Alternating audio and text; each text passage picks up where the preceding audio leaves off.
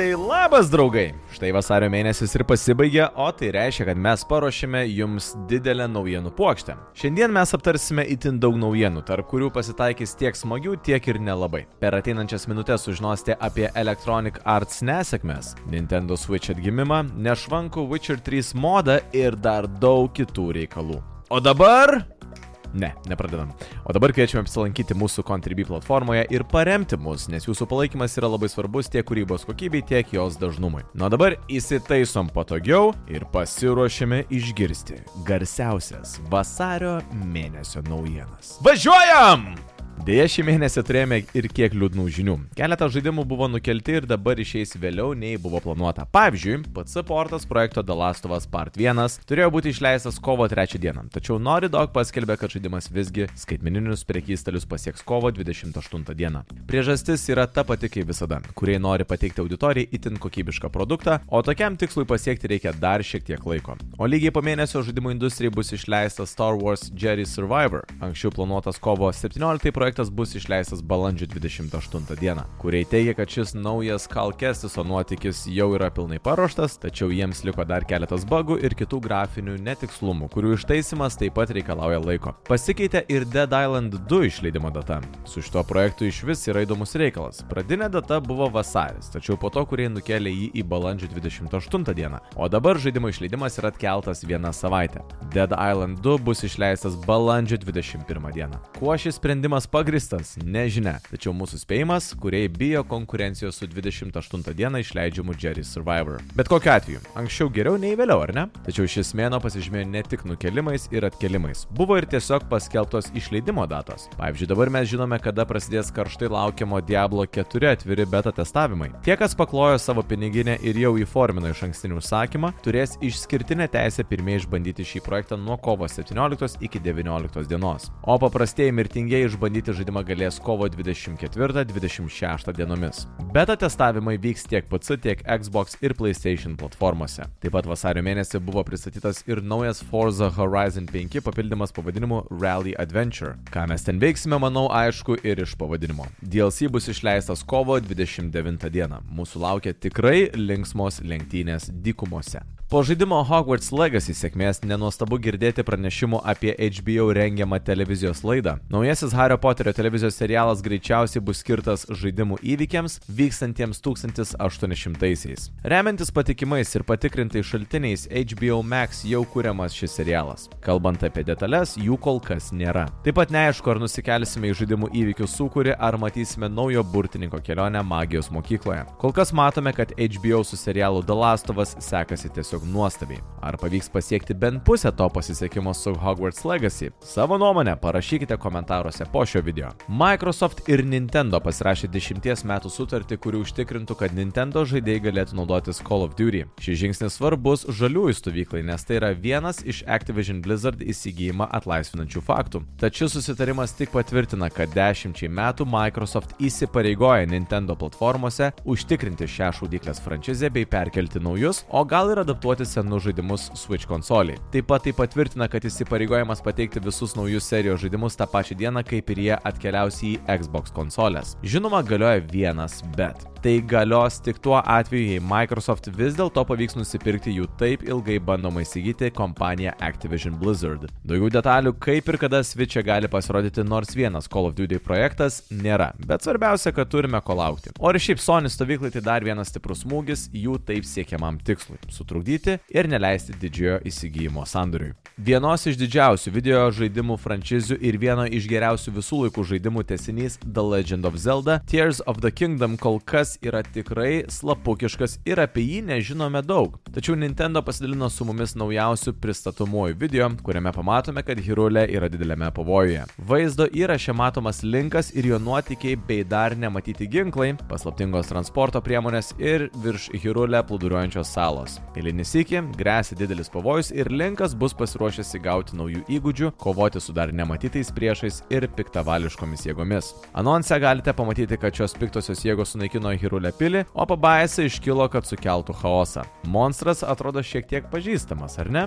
Žaidimo sulauksime šių metų gegužės 12 dieną ir tai bus pirmasis Nintendo Switch žaidimas, kurio kaina bus 70 eurų. Nuo kompanijai Electronic Arts vasario mėnesis nebuvo itin sėkmingas, atsirado keletas naujienų, kurios tiesiogiai liudija apie EA nepasisekimus. Visų pirma, korporacija baigė kūrimo ir palaikymo darbus projektams Apex Legends Mobile ir Battlefield Mobile. Karališkojo mūšio žaidimas savo saulėlydį sutiks gegužės mėnesį, o net negimęs Battlefield projektas taip ir nepamatys dienos šviesos. Manau visiems aišku, kodėl Apex Legends Mobile yra atšaukiamas. Žaidimas minkštai tariant, neiššovė. Jis buvo pamirštas beveik tą pačią dieną, kai buvo išleistas. Nuo dėl karinio projekto EA pasisakė, kad šis žaidimas netitinka siekio sukurti giliai surištą Battlefield ekosistemą. Tačiau ir tai ne viskas. Pasak Bloomberg, Respawn Entertainment dirbo ties naujų single player projektų Titanfall visatoje, tačiau mūsų mylimi Electronic Arts jį atšaukė. Kaip ir pranešama, ties šiuo žaidimu dirbo 50 žmonių. Kodinis šio projekto pavadinimas buvo TFL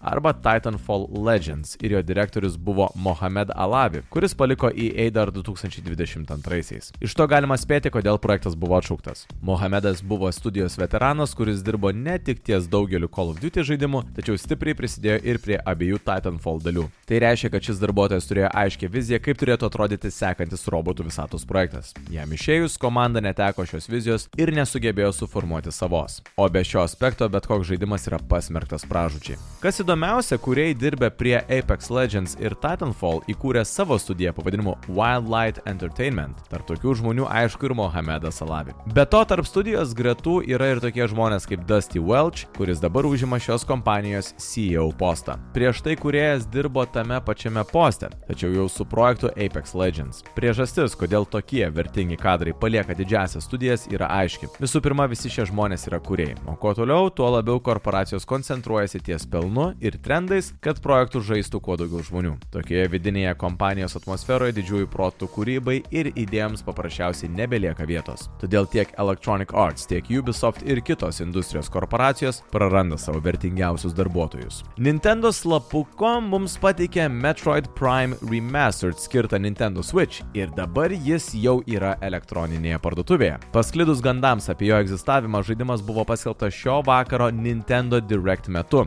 Atnaujinime yra nauji valdikliai ir kitos naujos funkcijos. Jį taip pat bus galima įsigyti mažmeninėje prekyboje, tačiau išleidimo data nebuvo pateikta. Projektas iš pradžių buvo išleistas GameCube 2002 metais. Be naujų funkcijų ir valdymo taip pat yra atnaujinta ir grafika bei garsas. Jūsų darbas yra atskleisti kosminių piratų eksperimentus ir surinkti informaciją apie toksišką medžiagą, dėl kurios planeta buvo sugriauta. Žaidime galite patobulinti savo arsenalą, ypač ginklų patranką, kad suteiktumėte pranašumą prieš anapusinės būtybės, kosminius piratus ir metroidus. Jei nuspręsite daugiau laiko skirti aplinkos tyrinėjimui ir galvos sukių sprendimui, busite apdovanoti dar didesnę gausą atnaujinimų. Metroid Prime Remastered kainuos 40 dolerių. Switch pasiekė naują pardavimo etapą ir dabar yra antra geriausiai parduodama namų konsolė visų laikų po PlayStation 2 ir lenkia PS4. Naujausioje finansinėje ataskaitoje už 9 mėnesius 2023 m. sausio 31 Nintendo pranešė, kad parduota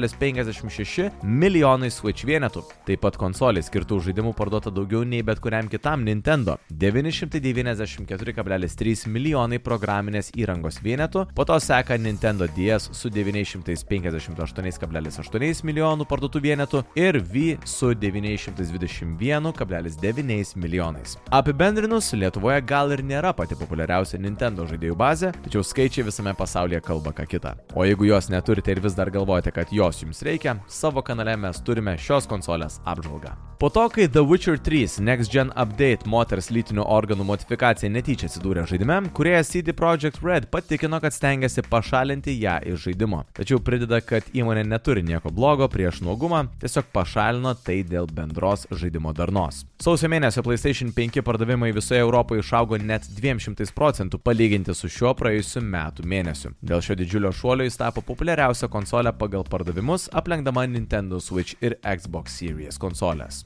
Praėjus maždaug trim savaitėms nuo pristatymo Forspoken jau parduodama už mažiau nei 30 svarų internetinėje parduotuvėje Cool Shop ir dar gaunate nemokamą pristatymą. Tai vyksta po prieštaringų atsiliepimų, kurie daugiausiai buvo nukreipti į gražią žaidimo estetiką, bet labai blankią istoriją. Be to žaidimo dialogai buvo smarkiai kritikuojami. Kūrimas kitas strateginis Civilization serijos žaidimas. Kartu su šiomis naujienomis 2K Games paskelbė ir trumpą pranešimą, kad Firaxis Games vyriausiojo operacijų pareigūnė Heather Hazen bus nauja studijos studijos vadovė. Akivaizdu, kad žaidimą Tetris paversti filmu tiesiog skamba neįmanomai. Klystame. Būtent apie tai yra išskirtinis Apple TV filmas Tetris. Jame pasakojama istorija, kaip šis žaidimas tapo legenda ir apie įvykius, kurie klostėsi tarp Henko Rodgerso, žmogaus, kuris rizikavo gyvybę, kad pergudrautų KGB ir paversų Tetri pasaulinę sensaciją, ir Aleksėjaus Pajitnovo Tetris kurėjo. Microsoft ir Nvidia paskelbė, kad įmonė susitarė dėl 10 metų partnerystės, kad Xbox kompiuteriniai žaidimai būtų pristatyti GeForce Now. Susitarimas leis žaidėjams transliuoti Xbox žaidimus iš GeForce Now į asmeninius kompiuterius,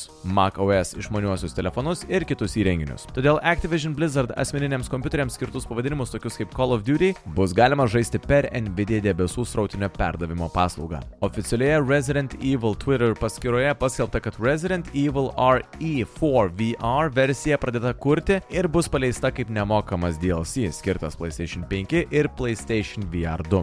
Blizzard savo legendinėme World of Warcraft pristatė naują parduotuvę - Trading Post. Naudodami ją žaidėjai gali nusipirkti įvairių naujų aksesuarų. Trading Post turės savo valiutą vadinamą Traders Denders. Ja uždirbti galima dviem skirtingais būdais. Pirmasis yra tiesiog prisijungimas prie žaidimo. Žaidėjai kiekvieną mėnesį bus apdovanoti 500 Denders. Kitas būdas yra atlikti Traveler's Lock Task task, kuris kiekvieno mėnesio pradžioje atsiranda iš naujo, o užduotį įvykdžius žaidėjas apdovanojamas papildomas 500 denders. Jeigu norite pažvelgti į būsimą Resident Evil 4 remake, jums pasisekė, nes tai jau galite padaryti ištisas 12 minučių. Game Informer neseniai pasidalino išskirtiniu šio žaidimo vaizdo įrašu, kuriame rodomi kai kurie ketvirtos dalies elementai. Žaidimai ateina ir į tokius renginius kaip Grammy, Assassin's Creed Valhalla, Dawn of Ragnarok ir jo kompozitorė Stephanie Economou laimėjo pirmąjį Grammy apdovanojimą už geriausią vaizdo žaidimų ir kitos interaktyvios medijos garso takelį. Alan Wake 2 komanda patvirtino, kad žaidimas yra sparčiai kūriamas. Remedy Entertainment taip pat atnaujino informaciją apie savo pažangą investuotojo ataskaitoje. Joje pripažįstama apie pajamų sumažėjimą paskutinį 2022 m.